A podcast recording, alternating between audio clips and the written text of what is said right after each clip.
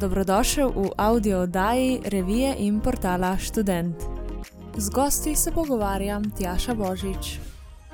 Ja, živijo vsem in eh, lepo dobrodošli. Danes je v moji družbi nov predsednik študentske organizacije Slovenije, mlad koprčan Andrej Pirjevec.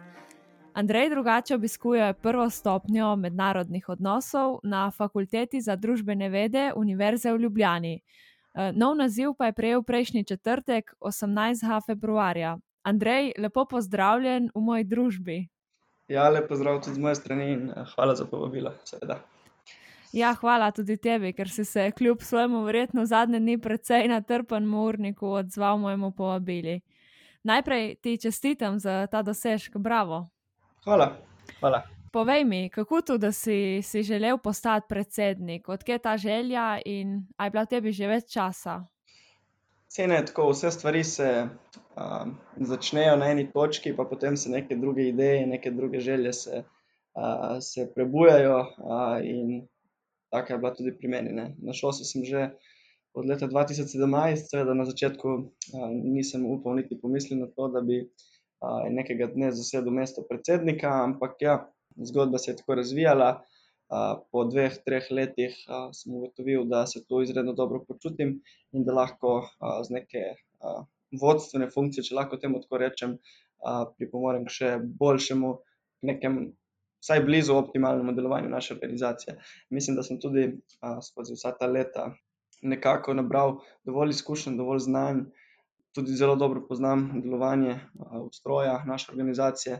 Tako da mislim, da je tudi to bil eden izmed razlogov, da sem se na koncu odločil, da pač kandidiram in uh, sem zelo zadovoljen, da mi je uh, skupščina tudi uh, namenila uh, podporo in mi s svojimi glasovi tudi zaupala, da sem pač prvi med enakimi, če lahko tako rečem. Ne. Odlično, super. Pred skupščino si nastopil samozavestno, si vedno tako zelo samozavesten ali te k temu pač gnala ta želja po izboljšanju delovanja študentske organizacije? Ja, jaz bi mogoče rekel celo to drugo. No. Drugače v življenju ne vem, če sem ravno najbolj samozavestna oseba. Sigurno poznam ljudi, ki so bolj samozavestni od mene. Drugače pa nimam nekih pretiranih težav s tem, da se nekaj pojavim, da nekaj povem.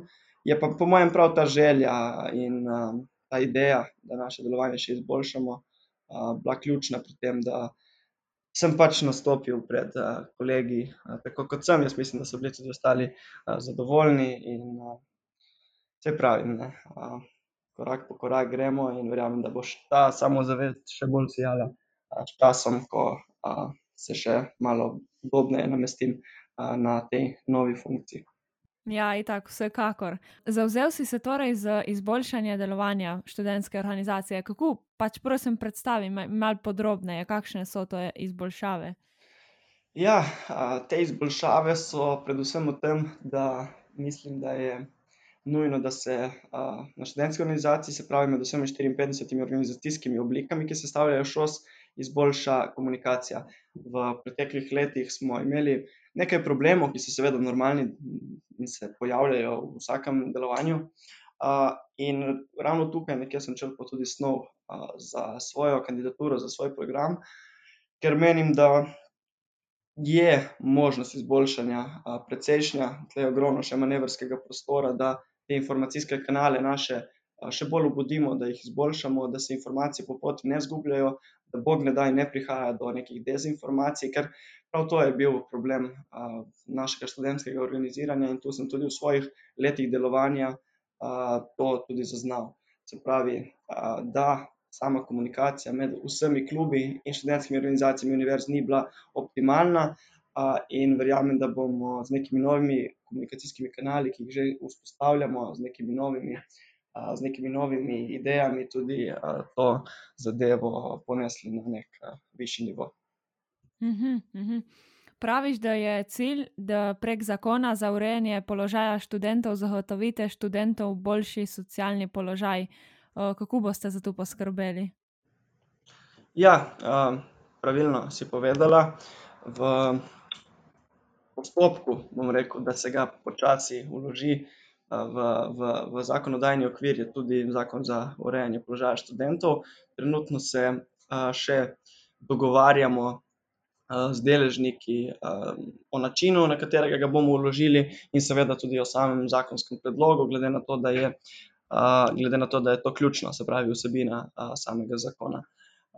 Zakon za urejanje položaja študentov je bil sprejet leta dva tisoč sedemnajst prvi, najbrž bo šlo pa v tem primeru za novelo, razen če bodo mogoče v službah državnega zbora ocenili, da je potrebno zastaviti to kot nov zakon, ker spet intervenira v številna različna področja, tako imamo v bistvu, kot sem povedal, ogromno nekih naših idej, ki, bom rekel, naslavljajo področje štipendiranja, področje subvencioniranega javnega prevoza in prometa, področje zdravstvenega varstva in zdravstvenega zavarovanja, področje subvencionirane študentske prehrane, tako imenovanih bonov, področje bivanja in pa področje višjega in visokega šolstva ter, tudi dela in pa tudi neke davčne obravnave.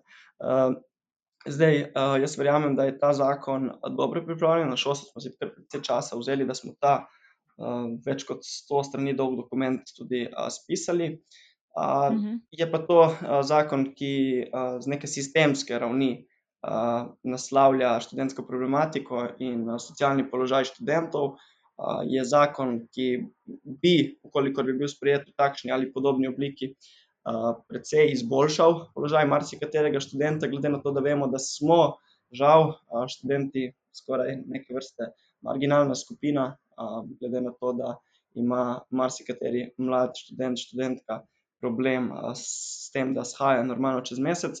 Tako da je to ogromno enih ukrepov, ogromno enih predlogov, na primer od tega, da se bi povišala, državna štipendija, do tega, da bi štipendijski štipendijski sistem nekako, malce renovirali, do tega, da bi imeli dijaki in študenti brezplačne prevoze, potem je tu še nekaj glede zdravstvenega zavarovanja, da bi optimizirali, to ureditev, in imamo še precej predlogov, ki pa si jih lahko tudi, v kolikor koga to malo bolj zanima, preberete na, spletni strani, ki pa, se, do katere se dostopa na naslovu, Kaj pa mi pika si.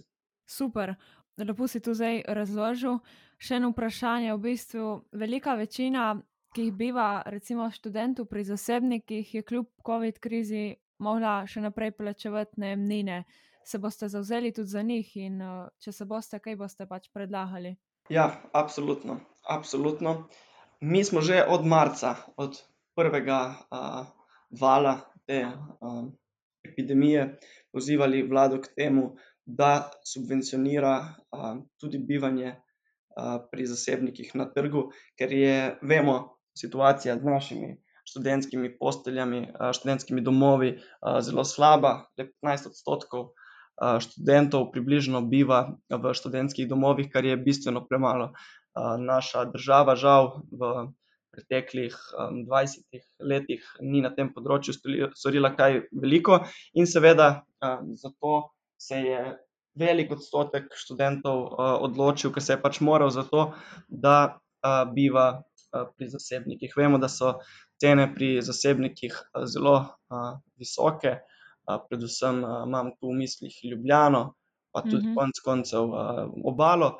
In seveda se študentje morajo zatekati k temu, da, bivajo pri zasebnikih, da bivajo, za precej visoke cene, in to je seveda eden izmed, problemov tudi socialnega položaja študentov. Kot sem povedal, že od meseca marca smo na to opozarjali, tudi v vseh naših dopisih oziroma predlogih za za PKP-zakone smo, to tudi zapisali in, odločevalcem predlagali, da se subvencionira bivanje na trgu, tako da ker nismo prišli, do nekega uspeha, ker nismo, končali te, te borbe z nekim pozitivnim, izidom, smo se zato, odločili, da naredimo svoj zakon, ki bo sicer bolj sistemsko urejal, zadeve in bi na neke načine olajšal, status študenta, ampak smo seveda, enotni pri tem, da še naprej moramo pozivati, naše odločevalce, našo vlado k temu, da se uredi tudi ta zadeva, ki si jo tudi, pravilno identificirala. gre za precej velik problem in v naslednjem našem predlogu in v naslednjih usklajevanjih ter sestankih bo absolutno tudi ta predlog, in sicer subvencionirano bivanje za tiste, ki to, ki so si stanovanje našli na trgu. In jaz res verjamem, da nas bo vlada tukaj uslišala in na koncu tudi uslišala, ker kot vemo, bi lahko rekli, da ima tudi država tukaj nekaj masla na glavi, glede na to, da v preteklosti ni bilo poskrbljeno za marsikaterega študenta, ki bi raje bival v študentskem domu. Tako da, ja, to bo ena izmed ključnih točk, ki jih bomo prav poskusili umestiti v PKP zakone, in jaz verjamem, da v teh nekih zakonih, ki še prihajajo, verjetno si lahko obetamo še dva, tri, da nam bo uspelo umestiti to idejo in da bomo na ta način pomagali marsikateremu študentu, ki se zdaj mora boriti s to problematiko. in vse skupaj je še težje, ker vemo, da tudi, da smo študentje deležni tudi precejšnjega upada iz vidika študentskega dela. Odlično. Še nekaj me zanima, verjetno ni malo tistih, ki so zaradi bilokaterih razlogov študija od doma pač v bistvu si ga ne morejo privoščiti v taki obliki, kot bi ta potekal živo. Pa naj bo to zaradi opreme ali česarkoli drugega. Kakšen bo tukaj izpad znanja in kje vse se bo to kazalo kot posledica v prihodnje? Kaj boste naredili v tej smeri? ja, saj to smo zdaj, to sva zdaj naslovila dve kar precej pomembni pa tudi povezani stvari. Ena je ta, da seveda marsikateri študent nima možnosti, da bi dostopal do kvalitetne informacijsko-komunikacijske tehnologije in opreme, povezane s tem. Vemo, da so se marsikateri študentje iz domov, študentskih domov vračali v svoja domača okolja. tam tudi ni nujno, da je bilo vse, izredno dobro poskrbljeno glede, te opreme. prav tako smo, imamo informacijo, da je marsikateri študent moral, to opremo deliti s svojimi brati, sestrami, in to so take zadeve, ki so zelo problematične in ki marsikaterega študenta seveda precej, tarejo. zdaj, pravilno si ugotovila, da bo najbrž ta izpad, znanja oziroma upad prek upada te kakovosti našega, sistema, viden, to je jasno. In tudi to je, bom rekel, poglavitni razlog, da se, konstantno trudimo, da bi se študijski proces, kar se da, hitro tudi normaliziral. jaz res verjamem, da bo, kmalu vse tako, kot je nekoč pač bilo. Vemo, da študentje pravijo, da porabijo več časa, imajo več dela, zato da je, na koncu znanje manjše, kar je nekaj, česar nikakor ne moremo podpirati. In, prav zato je naša želja, da se v prihodnjih mesecih, študijski proces v celoti normalizira, in temu bomo skupaj tudi z ostalimi deležniki, torej univerzami in sindikati, si bomo za to seveda tudi prizadevali. v smeri tega, da bi pa, študentom omogočili, boljši študijski proces, pa bomo znotraj naših predlogov za PKP zakone definitivno predlagali tudi, subvencije za nakup, IKT-opreme, ker, mislimo, da je to osnova za dobro delo v situaciji, v kakršni trenutno smo. Tako da ja, definitivno bo tudi to en izmed predlogov. verjamem pa, da, bo to, nekako nujno za prihodnje dva, tri mesece in da se bomo, z mesecem na primer aprilom ali majem, lahko tudi normalno vračali v naša študijska središča. Ja, dajmo upati na najboljše. Dejansko se mi zdi, da nas je ta situacija pripeljala vse nas mlade do malo drugačnega razmišljanja, koliko dejansko si želimo študirati in koliko si želimo znanja, ne pa samo recimo enega končnega papirja, diplome brez kakršnekoli, velike podlage. Ja, bi se res strinjal s tem. To lahko govorim, mogoče niti ne kot predsednik, ampak, študentske organizacije, ampak, kot, čisto običajen študent, tudi sam sem to pri sebi ugotovil in čisto iz neke subjektivne perspektive lahko povem, da sem, ugotovil, da v bistvu mi to precej manjka, da bi se res, želel čim prej vrniti, v študijsko središče, na fakultete, ker kot si tudi povedala, ne, sam uh, študij ni samo končna diploma, sam študij ni samo ta neka surova akademska vsebina, ampak je dosti več, je veliko več. Je uh, socializiranje, socializacija, torej, ki mora potekati uh, na faksih, je druženje s prijatelji, je študij tudi to, da greš uh, s kolegom na, na kavo med predavanji in da poteka ta izmenjava informacij v živo med samimi kolegi. Uh, in da se vem, obišče knjižnico, da se neke zadeve, da se neke zadeve predebatira skupaj s svojimi, svojimi kolegi. In prav to je tisto, kar dela to naše študijsko življenje zanimivo in, in čisto unikatno. Ne? In jaz res verjamem, da bo ta star način, pravi način, po mojem mnenju, tudi čim prej prišel nazaj v veljavo, da se bomo lahko končno spet normalno družili, normalno študirali, normalno obiskovali predavanja, sedli nazaj v študijske klopi in s temi željami nekako bi končal ta odgovor na, na, na tvoje vprašanje. Ja, super, mislim, da si tega želimo vsi študenti, mislim, skratka, vsi. No. Tako, ja. uh, za konec sem te tla še vprašati, če imaš kakšno misel oziroma kaj bi rekel, oziroma kako bi spodbudil vse študente, da se zauzemajo za svoje pravice in ne, ne bojo tiho in za svoje znanje in izobrazbo? Ja, seveda je želja tudi študentske organizacije ta, da je ta mobilizacija nekako med študenti in aktivacija, in aktivacija kar se da obširna. Želja je v tem, predvsem, da se študenti zavedajo, da smo izredno močna gonilna sila, da smo bili vedno skozi zgodovino tudi uh, nekoliko revolucionarni, um, tisti bolj um, prodoren del družbe in seveda tudi ob tem uh, generator nekega razvoja. Uh, jaz sem uh, prepričan, da marsikateri študent uh, to tudi sam ve, ampak sigurno pa je tudi nek odstotek študentov, ki Uh, ima to najbrž v sebi, ampak tega še uh, v popolnosti ne ve, oziroma ne doživi. In jaz zato absolutno vabim, da se študenti, kar se da, udejstvujejo na vseh področjih. Tu mislim tako na projekte študentskih organizacij, kot na tudi projekte študentskih klubov, da so čim bolj upeti v lokalno okolje, da so vedno zraven, ko se odloča o njih. In verjamem, da je to pravi način.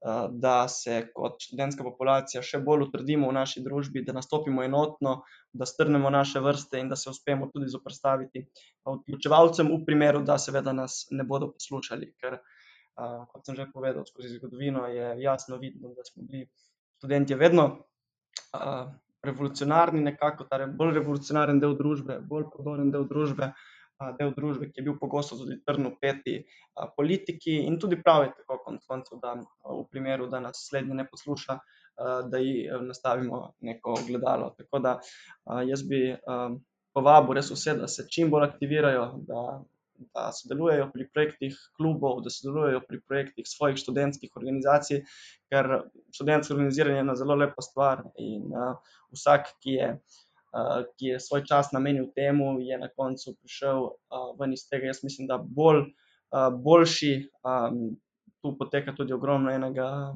osebnostnega razvoja, pridobiva se ogromno enih veščin, ogromno enih kompetenc, nova znanja in pa seveda, kar je zelo pomembno, smo danes že parkrat izpostavili. Poteka tudi ta socializacija, ki celotno študijsko izkušnjo dvigne na še nekoliko višji nivo. Tako da jaz bi absolutno pozval vse, da se um, udeležujejo takšnih zadev, ki sem jih že prej naštel, in da potem skupaj nekako uh, izborimo to, da se nič o študentih ne bo odločilo brez študentov. Ja, super, se strinjam. Andrej, eh, iskrena hvala, ker si, si vzel čas za najem pogovor. In jaz ti želim uh, ogromno sreče in predvsem pa uspehov v tvojem mandatu in na tvoji poti. Tjaša, najlepša hvala in še enkrat lep pozdrav vsem poslušalcem. Lajkaj, širaj, komentiraj. In nam povej, kaj bi rad slišal v prihodnih audio oddajah. Ideje lahko najdeš v reviji Student in na spletnem portalu www.student.com.